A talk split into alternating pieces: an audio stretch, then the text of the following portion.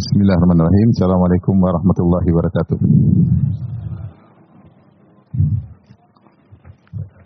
Alhamdulillahi ala ihsani wa syukru lahu ala taufiqihi wa amtinani. Asyhadu an la ilaha illallah wahdahu la syarika lahu ta'ziman li sya'ni wa asyhadu anna Muhammadan abduhu wa rasuluhu adda ila ridwani. Allahumma salli alaihi wa ala alihi wa ashabihi wa ikhwani. Hadirin hadirat yang dirahmati oleh Allah Subhanahu wa taala. Kita lanjutkan bahasan kita dari surat Al-Baqarah. Dan kita akan bahas ayat ke 26 insyaallah sampai ayat ke 62 67 6 berapa? 67 ya? 267 ya? 267 sampai insyaallah 269 ya. Pada pertemuan-pertemuan sebelumnya kita telah bahas tentang uh, di antara adab agar sedekah diterima yaitu harus ikhlas kepada Allah Subhanahu wa taala dan tidak boleh riya. Selain tidak boleh riya, ya, kalau sudah ikhlas jangan lupa jangan sampai sedekah tersebut jadi batal gara-gara alman wal adza. Mungkin-mungkin menyakiti hati orang yang disedekahi. Nah, pada ayat yang sekarang yang ayat 267 adalah adab dalam bersedekah dari sisi yang lain yaitu dari sisi tentang apa yang kita infakkan. Ya. Kalau sebelumnya harus ikhlas, jangan ria, jangan diungkit-ungkit. Maka pada ayat 267 adalah apa yang harus kita infakkan, yaitu harus kita ketika bersedekah yaitu dari yang baik-baik, jangan dari yang buruk. Jangan dari yang kita sendiri tidak tidak suka untuk menerimanya. Ya. Allah Subhanahu wa taala berfirman pada ayat ke-2 67 Ya ayyuhalladzina amanu anfiqu min thayyibati ma kasabtum. Wahai orang yang beriman,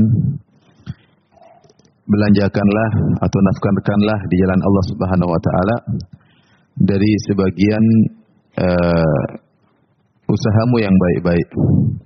Wa mimma akhrajna lakum minal ard dan dari apa yang kami keluarkan dari bumi untuk kalian. ولا تيمموا الخبيث منه تنفقون ولستم بأخذه إلا أن تغمضوا فيه dan janganlah kalian memilih yang buruk-buruk lalu kalian nafkahkan dari yang buruk-buruk tersebut padahal kalian sendiri tidak mau mengambilnya melainkan dengan memincingkan mata terhadapnya itu merem atau memincingkan mata terhadap barang tersebut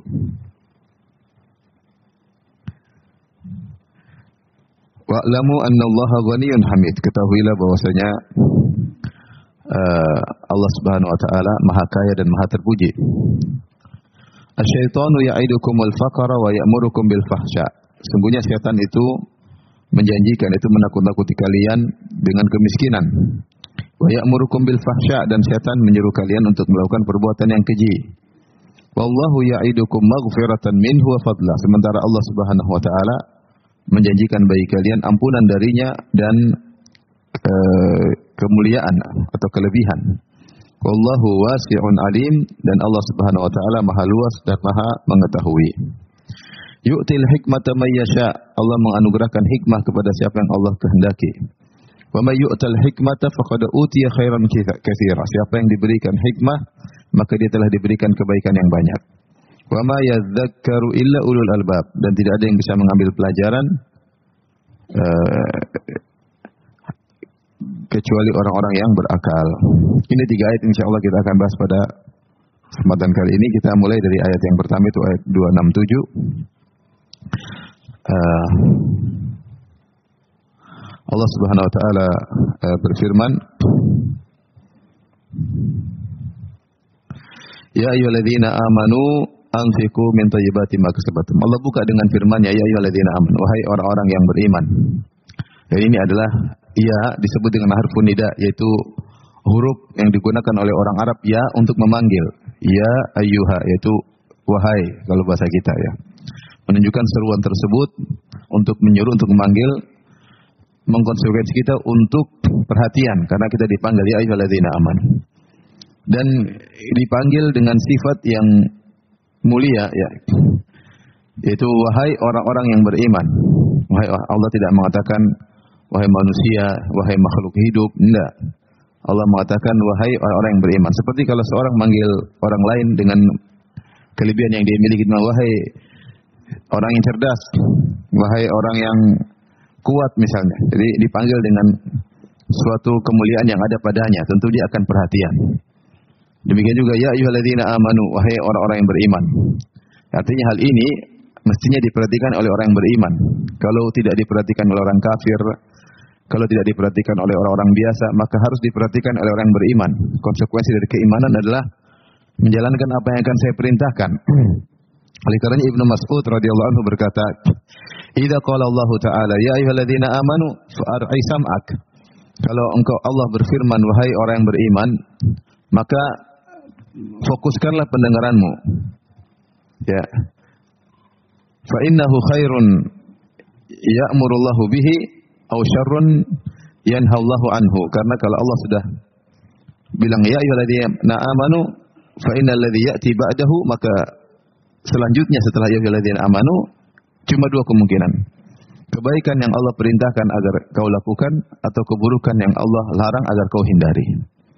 Nah kalau sudah ada dalam ayat apa pun ya ayyuhalladzina amanu perhatian apa ini setelah ini? Apakah perintah kebaikan ataukah larangan untuk dijauhi? Di sini ternyata Allah Subhanahu wa taala memerintah dan juga melarang. Allah mengatakan ya ayyuhalladzina amanu wahai orang yang beriman. Ya, ini perintah untuk orang yang merasa dirinya ada iman. Beriman dengan hari akhirat, beriman dengan Allah Subhanahu wa taala. Anfiqu min thayyibati ma kasabatum. Infakkanlah dari yang baik-baik yang kalian usahakan, yaitu yang kalian kerjakan. Al-kasab maknanya adalah kerja yang biasanya menggunakan tubuh ya.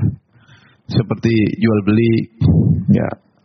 Seperti kerjaan-kerjaan yang lain ya, jual beli, sewa menyewa atau misalnya uh, tukang atau dokter semuanya kasab. Dia berusaha dengan fisik dia untuk mencari nafkah ya. Di sini Allah mengatakan infakkanlah dari yang baik-baik. Isyarat bahwasanya dalam mencari nafkah ada dua model, ada al-kasbut thayyib, ada al-kasbul khabith. Ada hasil usaha yang baik, ada hasil usaha yang buruk, yang buruk. Karena usaha itu kembali kepada perbuatan manusia. Dia yang mengusahakan mendapatkan hasil usahanya dengan cara yang baik atau dengan cara yang yang buruk. Maka Allah ingatkan bahwasanya kalau yang mau diinfak tidak boleh dari hasil yang buruk, tidak boleh. Tidak boleh hasil yang buruk. Inna Allah tayyibun la yaqbalu illa. Allah Maha baik kalau tidak menerima dari yang kecuali dari yang baik-baik pula. Kalau seorang bermuamalah dengan riba, kemudian dia infakkan hasil ribanya, enggak ada faedahnya, percuma. Kalau seorang berjudi, kemudian dia infakkan hasil judi, tidak ada faedahnya. Tidak boleh. Bahkan sebagian lama keras, ini namanya ngejek Allah Subhanahu wa taala, lama keras.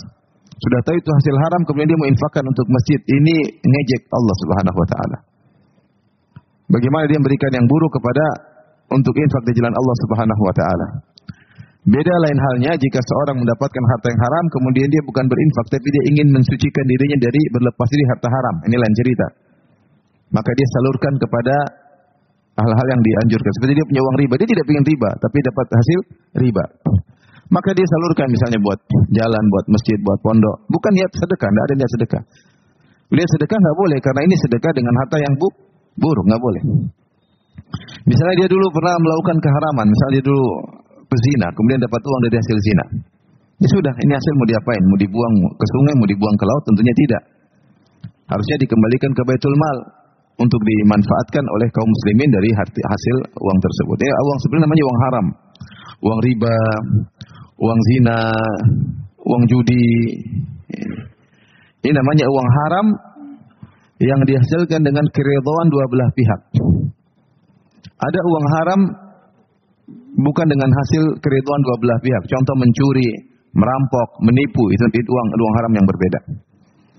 Kalau uang haram jenis kedua yang dihasilkan tanpa keridhaan seperti menipu, eh, kemudian merampok, mencuri, eh, korupsi, ini semua tidak ada yang ridho. Siapa yang rakyat tidak ridho kalau dikorupsi?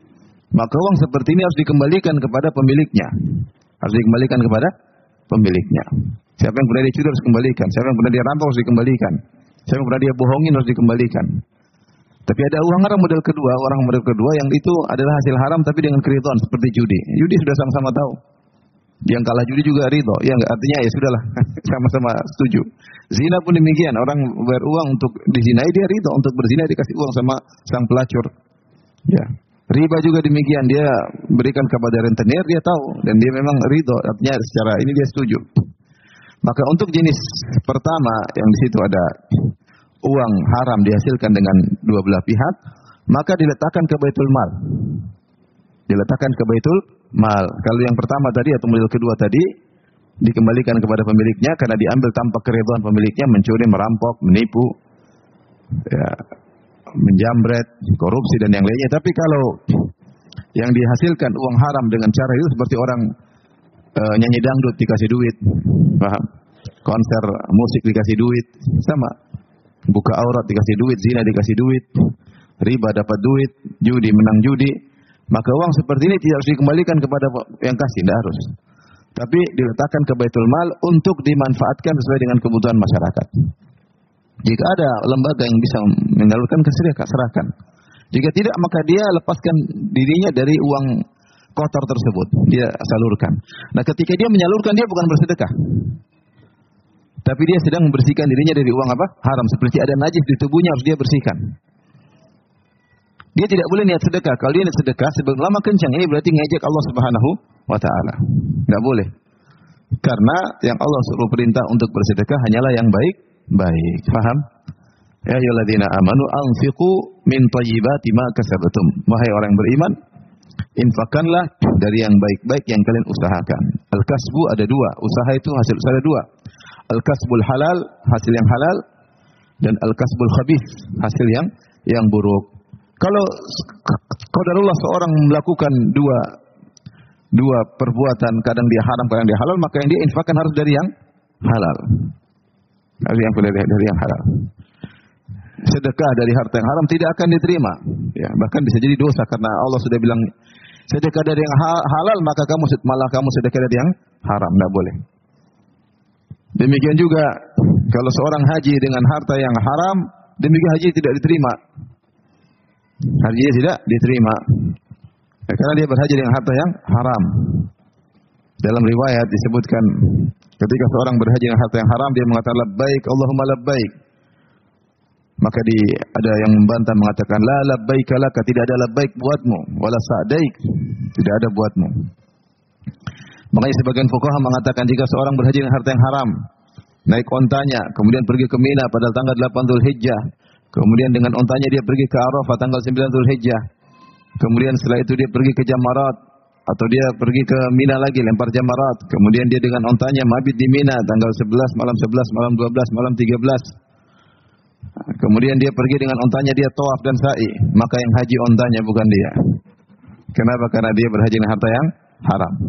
Ini istilahnya ya. Oleh karenanya haram bersedekah dengan harta yang haram. Haram bersedekah dengan harta yang haram. Kalau ada harta haram kembalikan kepada pemiliknya atau berlepas diri dengan menyalurkan agar tubuh kita tidak membawa harta najis. Paham? Kalau sedekah harus, harta yang halal. Ya. Kalau tidak maka hukumnya haram karena Allah perintahkan anfiqu min thayyibati ma kasabtum. Infakkanlah dari yang baik-baik yang kalian lakukan. Seorang berusaha mencari harta yang halal. Hidup ini cuma sekali. Ya. Dia tahu dia akan dihisap oleh Allah dengan dua pertanyaan. Min aina tasabu fima anfaqa dari mana dapat hartanya dan ke mana dia salurkan, dia belanjakan. Dari harta yang haram maka musibah ya. Wa mimma akhrajna lakum minal ard dan infakkanlah dari apa yang kami keluarkan untuk kalian dari bumi. Maksudnya hasil bumi. Di sini para menyebutkan seperti zakat tumbuhan dan tanaman ya dengan aturannya. Kemudian al-ma'adin barang-barang tambang dengan aturannya. Kemudian juga misalnya ar-rikaz yaitu harta yang ditemukan dari harta jahiliyah ya, dengan aturannya ya. Ini semua uh, mimma akhrajna lakum minal ard. Makanya di sini tidak Allah tidak mengatakan min thayyibati ma akhrajna lakum dari kebaikan yang kami keluarkan. Enggak, karena ini di luar usaha manusia. Tinggal apa yang keluar Allah keluarkan dari dari bumi ya. Beda kalau al-kasab, kalau al-kasab manusia yang usaha nyari dengan bekerja, dagang, jadi dokter misalnya, jadi tukang, jadi kontraktor. Jadi bisa dengan cara halal, bisa dengan cara haram. Tapi kalau tumbuhan ya Allah yang keluarkan, ya. Allah yang keluarkan, maka tidak di tidak dicantumkan situ min thayyibati ma akhrajna lakum minal. Tapi Allah mengatakan uh, wa mimma akhrajna lakum minal ard dan juga belanjakanlah dari apa-apa yang kami keluarkan dari bumi. Uh, seperti tumbuh-tumbuhan dengan aturannya ya. Tentunya tidak semua tumbuhan ada zakatnya. Ya. Ada tumbuhan aturannya. Al-ma'adin demikian juga barang-barang tambang. Ar-rikas yaitu barang temuan ya. Sebenarnya membedakan barang temuan yang maksudnya barang temuan dari uh, dari uh, harta orang-orang jahiliyah atau orang kafir ya. Bukan nemu barang pas nemu barang di Cinere kemudian ada tempat tinggalnya misalnya banyak orang Islam situ atau di rumah tanah orang Islam maka itu bukan bukan harta rikas, bukan harta temuan. Jadi harta temuan itu adalah di tanah dulu orang jahiliyah punya ditimbun kemudian dia dapat maka dia keluarkan zakatnya seperlima dan ada perincian bagaimana kalau ardul apa negeri yang ditaklukkan, ada negeri as yang berdamai. Ini ada aturan semua dalam buku fikih. Baik. Kemudian kata Allah Subhanahu wa taala larangan sekarang. Tadi perintah keluarkan dari yang halal-halal, yang baik-baik. Kata Allah, "Wala tayammamul khabitha." Janganlah kalian menyengajakan menuju kepada yang uh, yang buruk. Tayammum maknanya maknanya al-qasdu. Seperti firman Allah Subhanahu wa taala tentang tayammum, "Fatayammamu sa'idan thayyiba." Kalau kalian tidak ada air, falam tajidu ma'an, tidak ada air, fatayammamu, maka menujulah kalian, jadi uqsudu atau eksidu tuju, bertujuan kalian menuju kepada sa'idan thayyiba, kepada tanah yang baik untuk digunakan apa? Bertayamum. Jadi tayammum maksudnya adalah menuju. Al-qasdu. Maka sini firman Allah wala yatayammamul khabith. Jangan kalian menyengaja menuju kepada yang buruk. Ini adab dalam bersedekah, maka pilih yang baik, jangan pilih yang buruk. Ya. Subhanallah. Uh, dua dua adab. Yang pertama dari hasil yang baik, hasil yang halal. Yang kedua hasil yang halal pun pilih yang baik. Paham? Ini dua adab. Adab pertama adalah dari hasil yang halal. Adab yang kedua dari hasil yang halal pun pilih yang baik karena tidak semua barang halal ada yang baik ada yang buruk. Wala tayammamul khabitha jangan kalian menyengajai untuk memilih yang buruk. Min hutum fiqun lantas kalian menginfakkan dari yang buruk tersebut.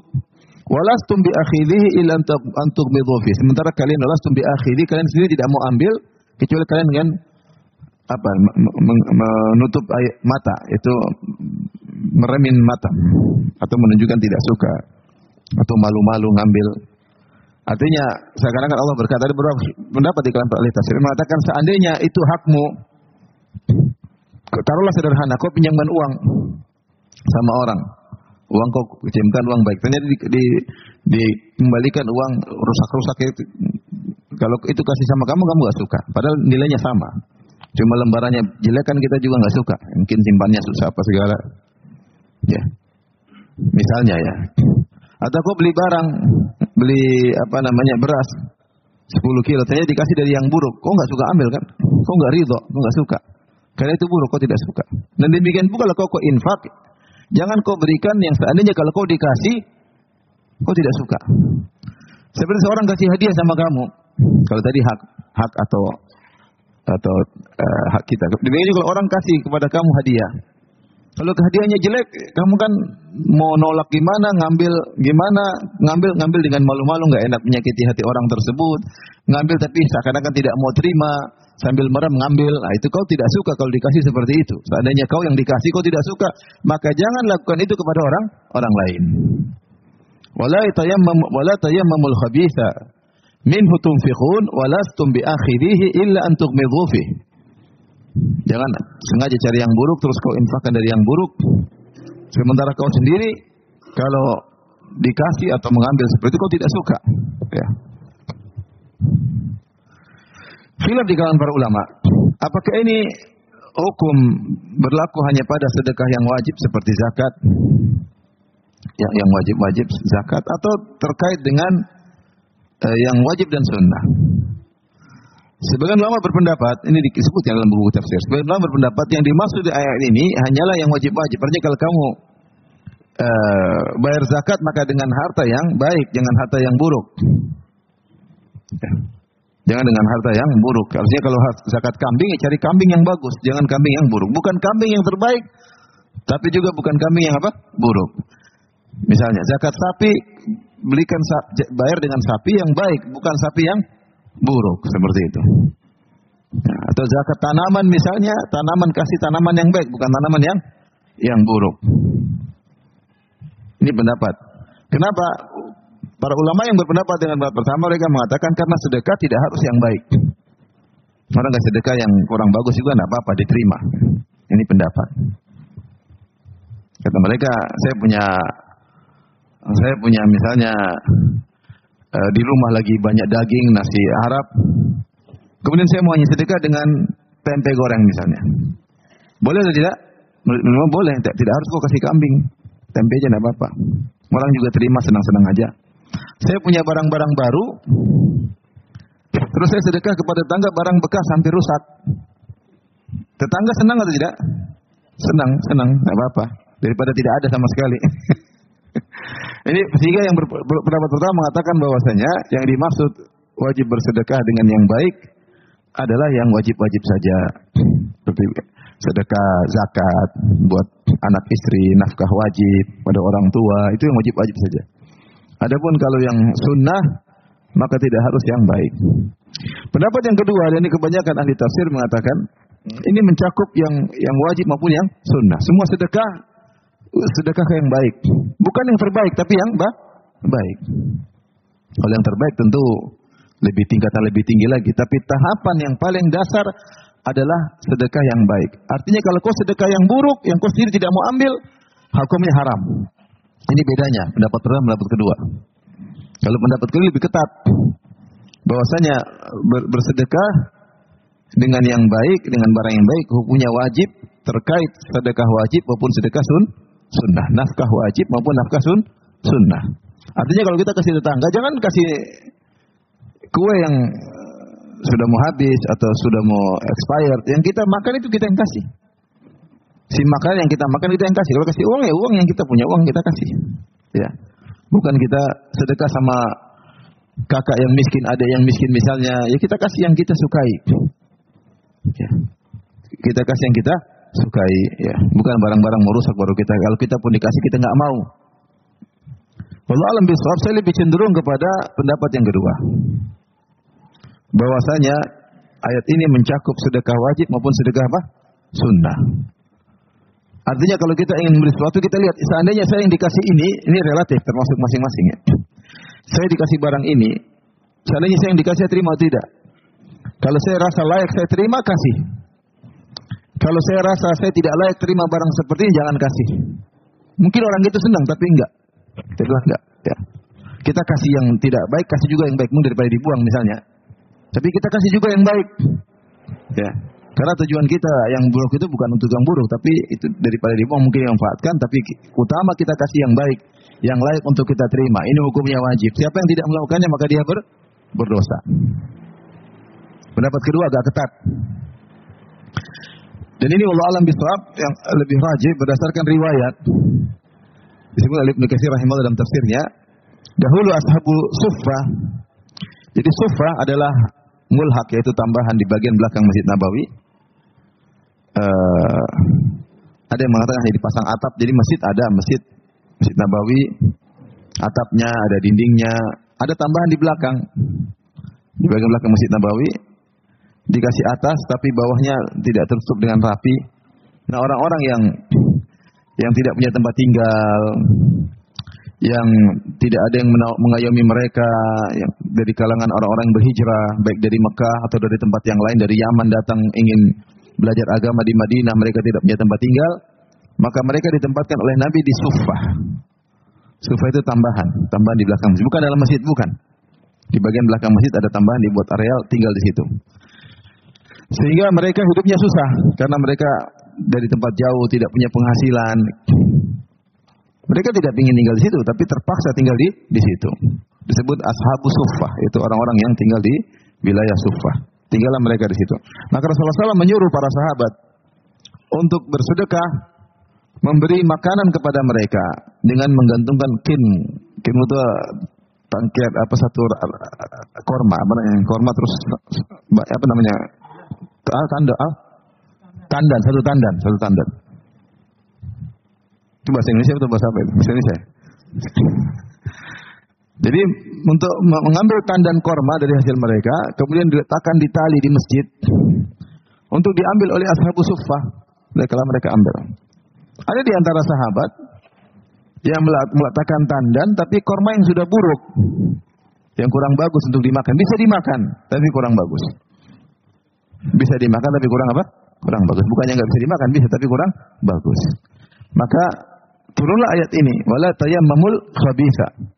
Jangan sengaja kalian ambil yang buruk, yang kalian pun wala tunfiqun minhu tunfiquna wala tum bi akhidhihi illa an tughmidu fi. Sebentar kalian kalau mau ambil sendiri kalian pun meremin, meremin mata, enggak enggak enggak enggak nyaman untuk mengambilnya. Maka dan kita tahu para sahabat ketika memberikan korma tersebut ini sedekah sunnah. Sedekah apa? Sunnah. Maka dari sini adab dalam bersedekah adalah kita memberikan yang layak, jangan yang buruk. Jangan yang buruk. Jadi dalam ayat ini dua adab yang kita ambil. Pertama, dari hasil yang halal. Yang kedua, dari barang yang halal yang kita sedekahkan terus yang yang baik-baik, bukan yang buruk. Ingat, bukan yang terbaik. Kalau bisa yang terbaik itu oke. Okay.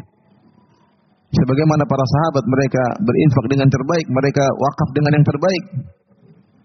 Kata ketika turun ayat ya, Lan tanalul birra hatta tunfiqu mimma tuhibbun. Kalian tidak akan mencapai kebajikan yang sungguh sampai kalian infakkan apa yang kalian suka. Allah tidak mengatakan yang terbaik yang kalian suka, tapi yang kalian suka. Maka sahabat memilih yang terbaik mereka suka. Ada kebun ini, kebun ini yang paling saya, yang paling harta saya sukai. Sedekah fisabilillah.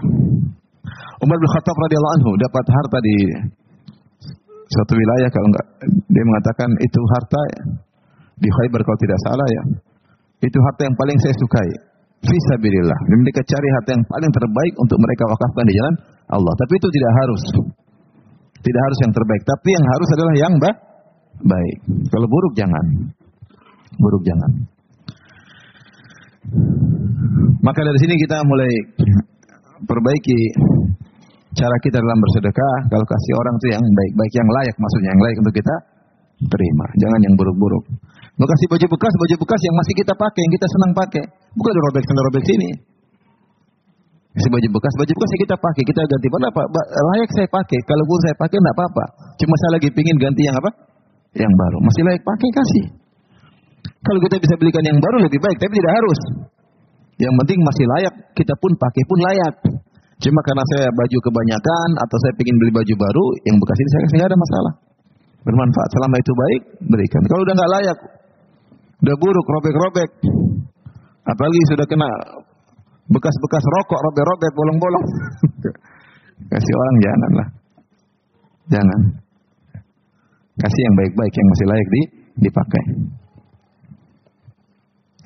Kemudian Allah berfirman di akhir ayat wa alamu annallaha ghaniyun hamid. Ketahuilah bahwasanya Allah Subhanahu wa taala Maha kaya dan Maha terpuji. Ghani maksudnya Maha kaya isyarat bahwasanya Allah tidak butuh dengan itu semua. Yang infak yang terbaik untuk kalian sendiri. Paham?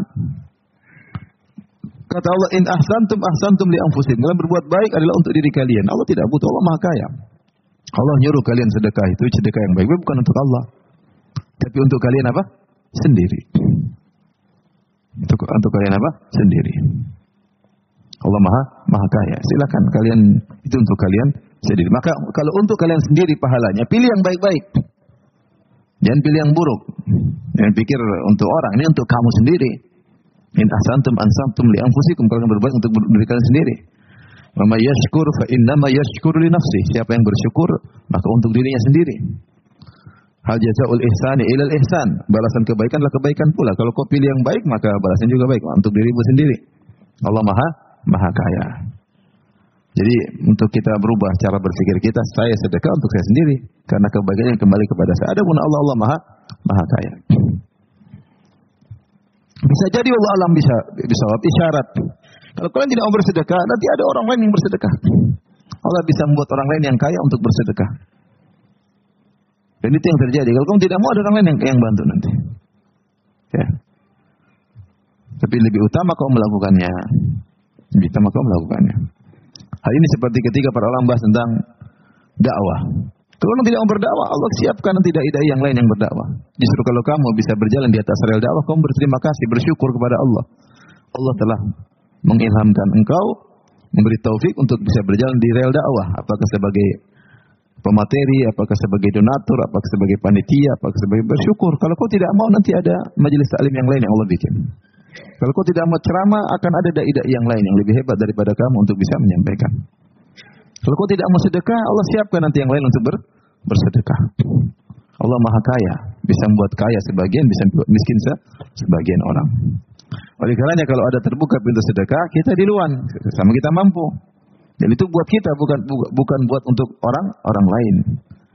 Karena Allah tidak butuh dengan itu semua. Wallahu wa'lamu anna Allah ghaniyun hamid. Hamid wazan fa'il. Wazan timbangan uh, isimnya adalah fa'il. Fa'il dalam bahasa Arab bisa artinya fa'il, bisa artinya maf'ul. Fa'il maknanya fa'il seperti sami, maknanya sami yang maha, yang mendengar. Uh, misalnya, ya, jadi sami maksudnya adalah sami yang mendengar. Jadi fa'il maknanya fa'il. Ada yang fa'il maknanya maf'ul seperti qatil, maknanya maktul yang terbunuh. Zabih yang disembelih, maknanya mazbuh yang disembelih contohnya. Eh, kalim maksudnya yang di yang diajak berbicara ya. Ya, seperti itu ya. Nah, Hamid bisa maknanya Hamid, bisa maknanya Mahmud.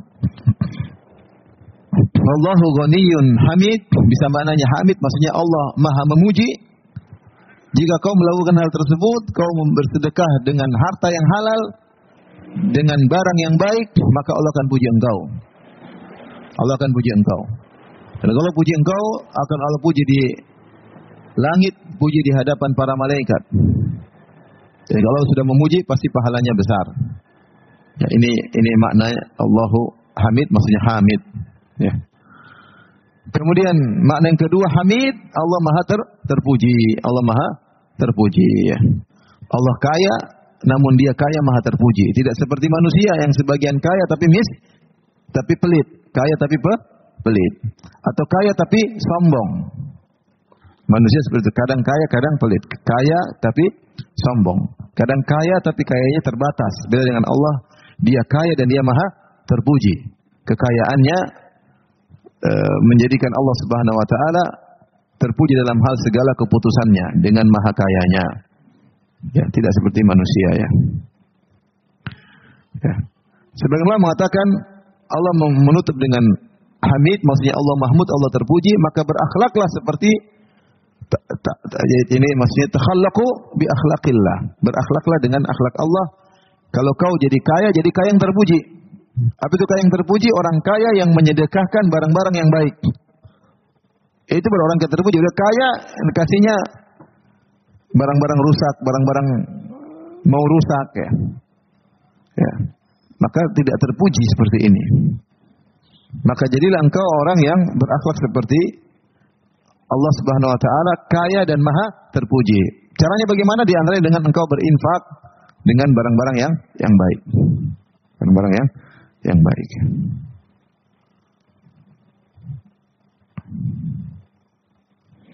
Baik, kita lanjutkan ayat berikutnya. Asyaitanu ya'idukumul faqra wa ya'murukum bil fahsya. Sungguhnya syaitan menjanjikan kalian kemiskinan, al-faqr.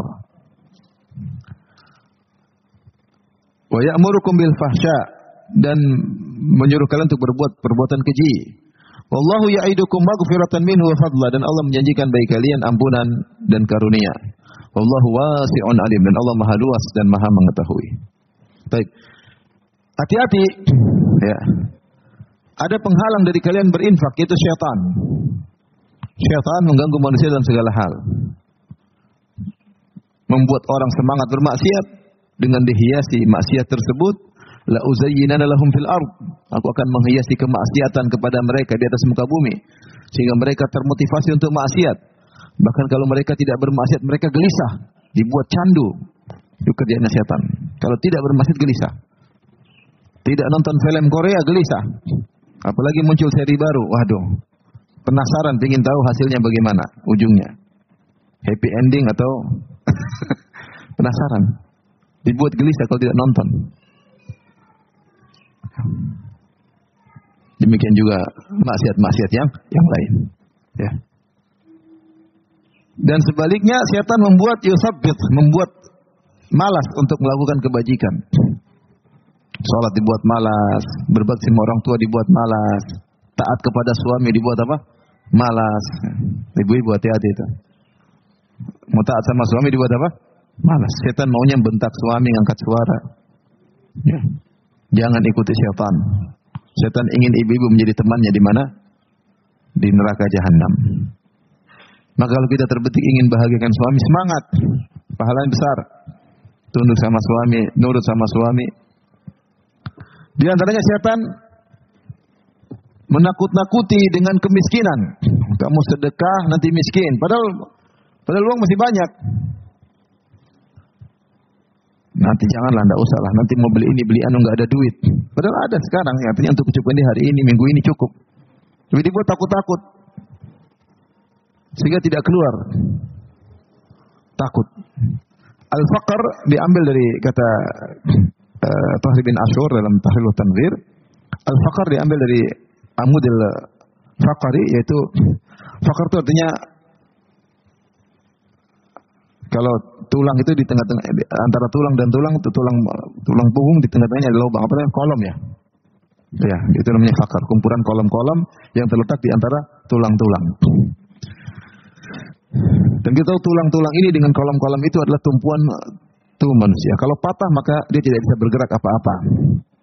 Ya, makanya sering orang mata hadi qasimatul zahar yaitu mematahkan tulang punggungnya. Itu diambil dari fakar dari situ. Ya. Uh, artinya uh, fakir itu kebutuhan orang susah. Setan buat dia takut kalau kamu nanti kamu susah seperti orang yang punggungnya sakit, dia bisa apa-apa. Maka jangan ber, bersedekah. Ini setan menakut-nakuti, bisik-bisiki.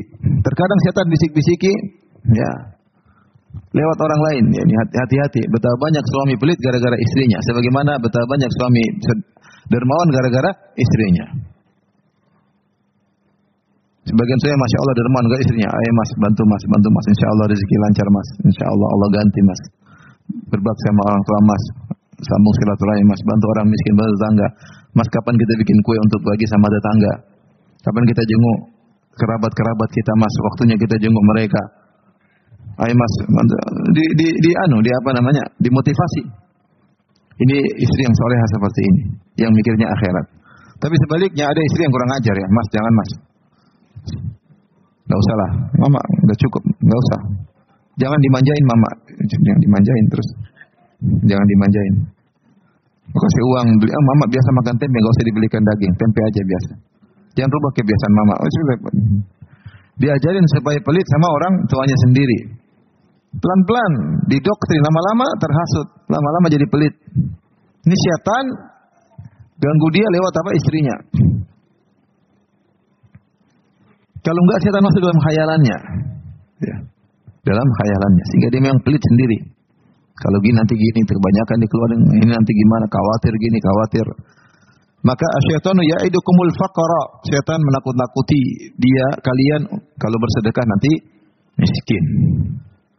Sama, kalau mau mau sedekah, jangan yang bagus-bagus, nanti kita pakai yang itu aja bekas-bekas kasih. Mau kasih yang bagus, jangan, nanti mesti pakai mana. Nah, setan juga bikin suruh sedekah yang jelek-jelek. Hati-hati ini setan. Kemudian kata Allah, "Wa ya'murukum bil fahsya." Bukan cuma itu, dia menyuruh kalian untuk berbuat al-fahsya, perbuatan keji. Sebagian tafsir menafsirkan perbuatan keji ini maksudnya al-bukhl, pelit. Maksiat secara umum buruk, tapi ada sebagian maksiat yang disebut dengan fawahish atau fahisha.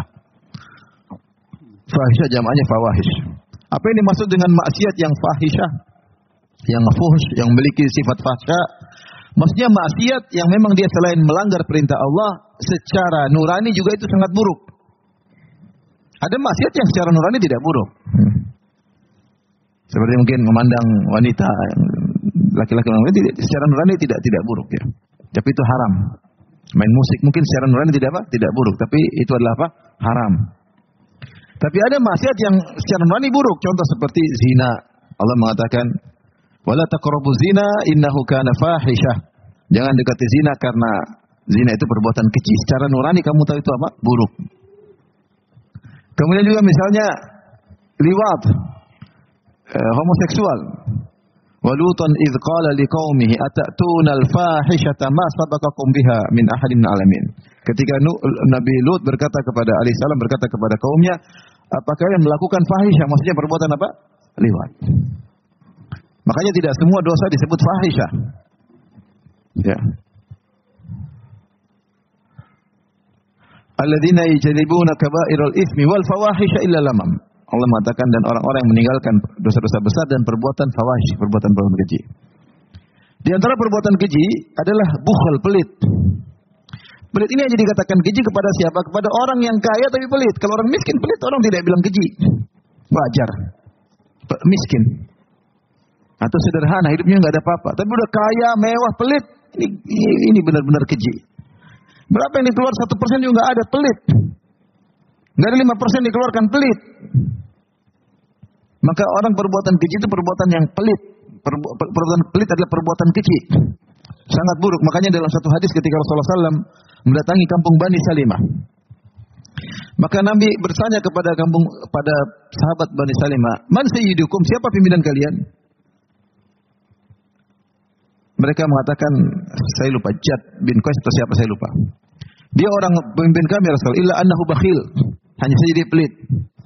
Kata Rasulullah ya. Gimana orang pelit mau dijadikan apa? Pemimpin. Artinya pelit ini perbuatan keji. Bagi orang kaya pelit perbuatan keji. Makanya kalau ibu-ibu lihat ada orang kaya pelit, keji kamu. Keji kamu. Ngomong kaya kasih baju robek-robek, keji kamu, pelit. Kecuali kamu juga bajunya robek, nggak apa-apa. Ini kaya raya, mobil miliar-miliar, kemudian ya Allah keji.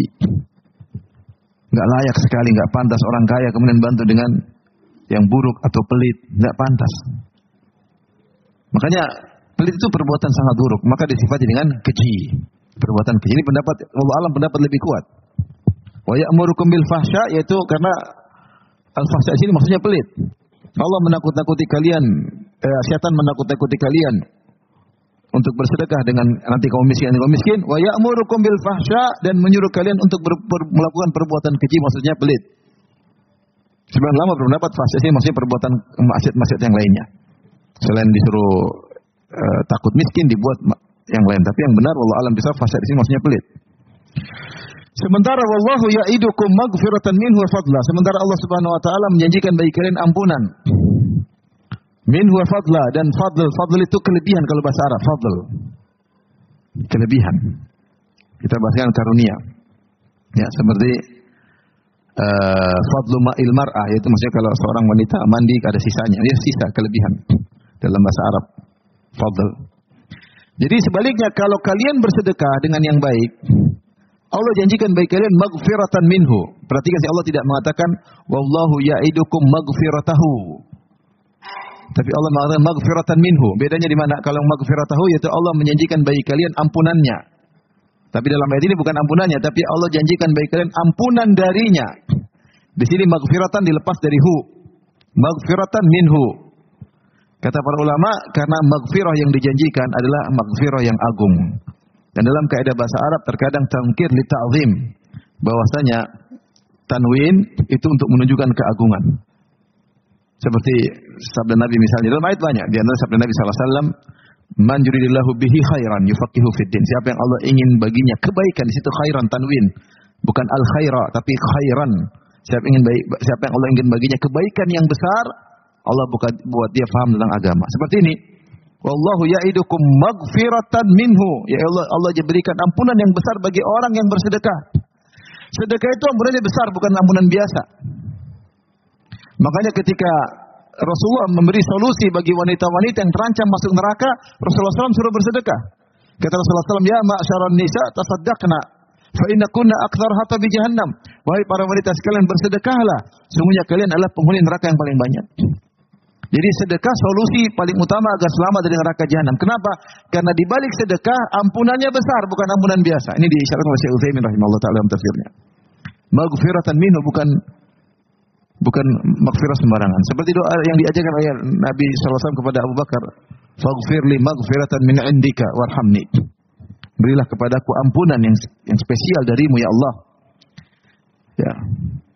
Apa kata dalam hadis sadaqatus sir tudfi'u ghadab rabb Sungguhnya sedekah yang dilakukan diam-diam akan meredamkan kemurkaan Allah.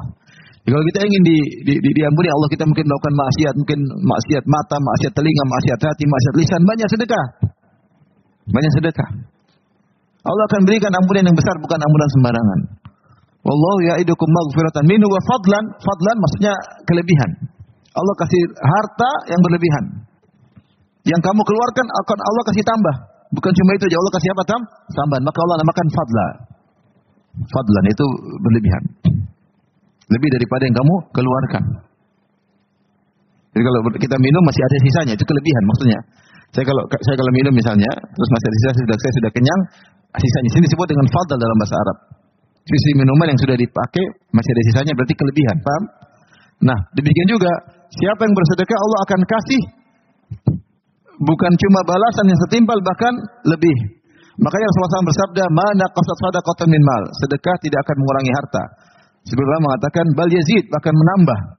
Ini sudah terbukti secara realita kebanyakan orang yang bersedekah ditambahkan hartanya oleh Allah Subhanahu wa taala. Semakin dia bersedekah semakin banyak hartanya. Kita bandingkan sebagian teman kita bagaimana dia sebelumnya sekarang. Beda. Sekarang tambah harta banyak. Kenapa rajin sedekah? Rajin sedekah. Apalagi kalau sedekah karena ikhlas pada Allah Subhanahu wa taala. Ya. Ini sudah kepastian, keniscayaan. Wama anfaqtum min syai'in fahuwa yukhlifuh. Wa huwa khairur raziqin. Apa pun yang kalian infakkan maka Allah akan ganti dan dia sebaik-baik pemberi rezeki. Pasti Allah ganti. Makanya Allah menamakan sedekah yang kita keluarkan qard, pinjaman. In tuqridullaha qardan hasanan. Siapa yang berpinjaman kepada Allah. Allah namakan pinjaman supaya kamu tahu Allah pasti kembalikan. Dan Allah kembalikan dengan riba. Allah tambahin, riba halal, Allah tambahin. Terus kalau gitu kenapa kita pelit? Allah tutup ayatnya wallahu wasi, Allah maha luas, maha luas rezekinya. Kalau kita manusia sekaya apa pun aset terbatas. Allah tidak ada terbatas, yang tinggal kun fayakun jadi. Kalau miskin jadi kaya mudah, apa susahnya? Tidak ngambil harta orang, tidak kamu kaya. Kun fayakun. Dan bagaimana Allah meluaskan rezeki seorang dengan berbagai cara. Uangnya keluar itu tambah tambah banyak, ini langsung bisa tambah banyak. Entah cepat atau lama jadi banyak. Atau Allah buka pintu rezeki dari pintu yang lain. Dia mungkin berdagang dibuka lagi pintu rezeki yang yang lain. Atau dia dapat rezeki dari arah yang dia tidak sangka-sangka.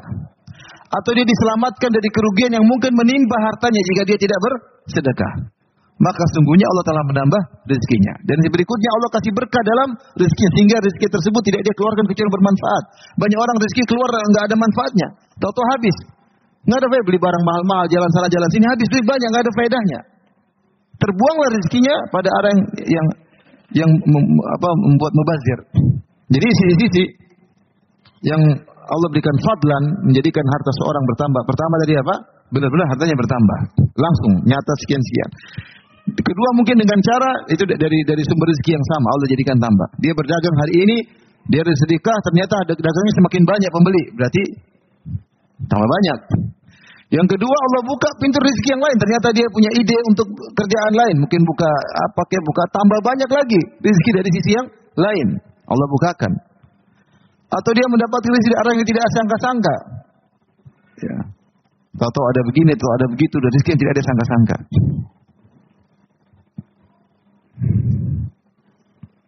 Sebagian kawan-kawan di masa pandemi, semua orang pada tiarap, ternyata dia malah tambah rezeki. Sebagian kawan seperti itu. Tidak diduga ternyata malah tambah rezeki. Saya kenal orang, Subhanallah. Dia cerita sama saya langsung, Ustaz. Ini semua keuntungan saya dapatkan ketika musim pandemi. Sekarang lagi bangun pondok sekitar dia siapkan 120 miliar. Dia bilang ini semua dari apa? Musim apa? Pandemi. Nah, dia rajin bersedekah. Artinya ada rezeki datang dari orang tidak sangka-sangka. Orang menyangka akan jatuh dia malah apa? Naik. Ada yang seperti itu.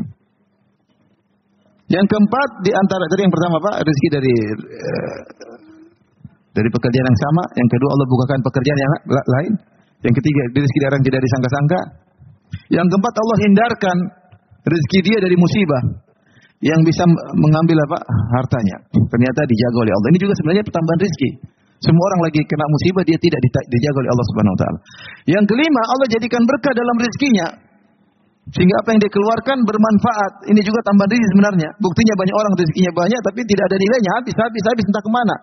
Betapa banyak saya ketemu orang, dulu dulu saya gaji banyak sekali, tidak ada sisanya entah ke mana. Tidak ada tidak ada bekasnya dia dampaknya tidak ada. Rumah juga nggak punya juga punya habis ke mana aja. Buat foya-foya, buat ini, buat dan tidak berkah. Itu menunjukkan rezekinya habis. Maka dengan lima sisi ini Allah bisa menambah rezeki apa seseorang dengan bersedekah. Allah wasi' Allah maha luas. Alim Allah maha mengetahui siapa yang sedekahnya banyak, siapa yang sedekahnya sedikit, siapa yang ikhlas, siapa yang tulus, siapa yang ria, Allah maha mengetahui. Siapa yang pilih barang-barang bagus untuk disedekahkan, siapa yang pilih barang-barang jelek, Allah tahu semuanya. Allahu wasi'un alim. Sehingga Allah berfirman, "Yu'til yu'til hikmata may yasha." Allah berikan hikmah kepada siapa yang Allah kehendaki. Hikmah ada khilaf di kalangan para ulama ada yang mengatakan kecerdasan. Ada yang mengatakan hikmah itu meletakkan suatu pada tempatnya. Ya. Ada yang mengatakan yaitu ilmu dan amal saleh itu hikmah. Itu suatu kebaikan intinya. Wa yu'tal hikmah siapa yang diberikan hikmah? Di sini hikmah diulangi dua kali. Allah tidak Allah mengatakan wa may wa may yu'tal hikmah. Jadi yu'til hikmata Allah berikan hikmah kepada siapa yang Allah kehendaki. Wa may yu'tal hikmah siapa yang diberikan hikmah. Allah tidak mengatakan wa may yu'taha. Allah tidak menggunakan dhamir tapi Allah mengulangi kalimat zahirnya. Wa may yu'tal hikmata siapa yang diberikan hikmah diulang lagi untuk menunjukkan agungnya hikmah tersebut. Faqad utiya khairan katsira. Sungguh telah diberikan kebaikan yang sangat banyak. Illa ulul albab dan tidak ada yang mengambil pelajaran kecuali orang yang cerdas. Artinya orang yang mengerti akan hal ini, bahwasanya sedekah bisa menambah rizki, sedekah menambah memberikan ampunan, kemudian dia bersedekah, itulah orang yang diberi hikmah. Dia cerdas, otaknya cerdas. Siapa harus dijelasin, masih pelit-pelit juga, dia bahlul. Bahlul. Maka siapa yang diberi hikmah, maka dia telah diberikan kebaikan yang yang banyak. Tapi demikian saja. Subhanakallah bihamdik asyhadu an la ilaha illa anta astaghfiruka. Assalamualaikum warahmatullahi wabarakatuh.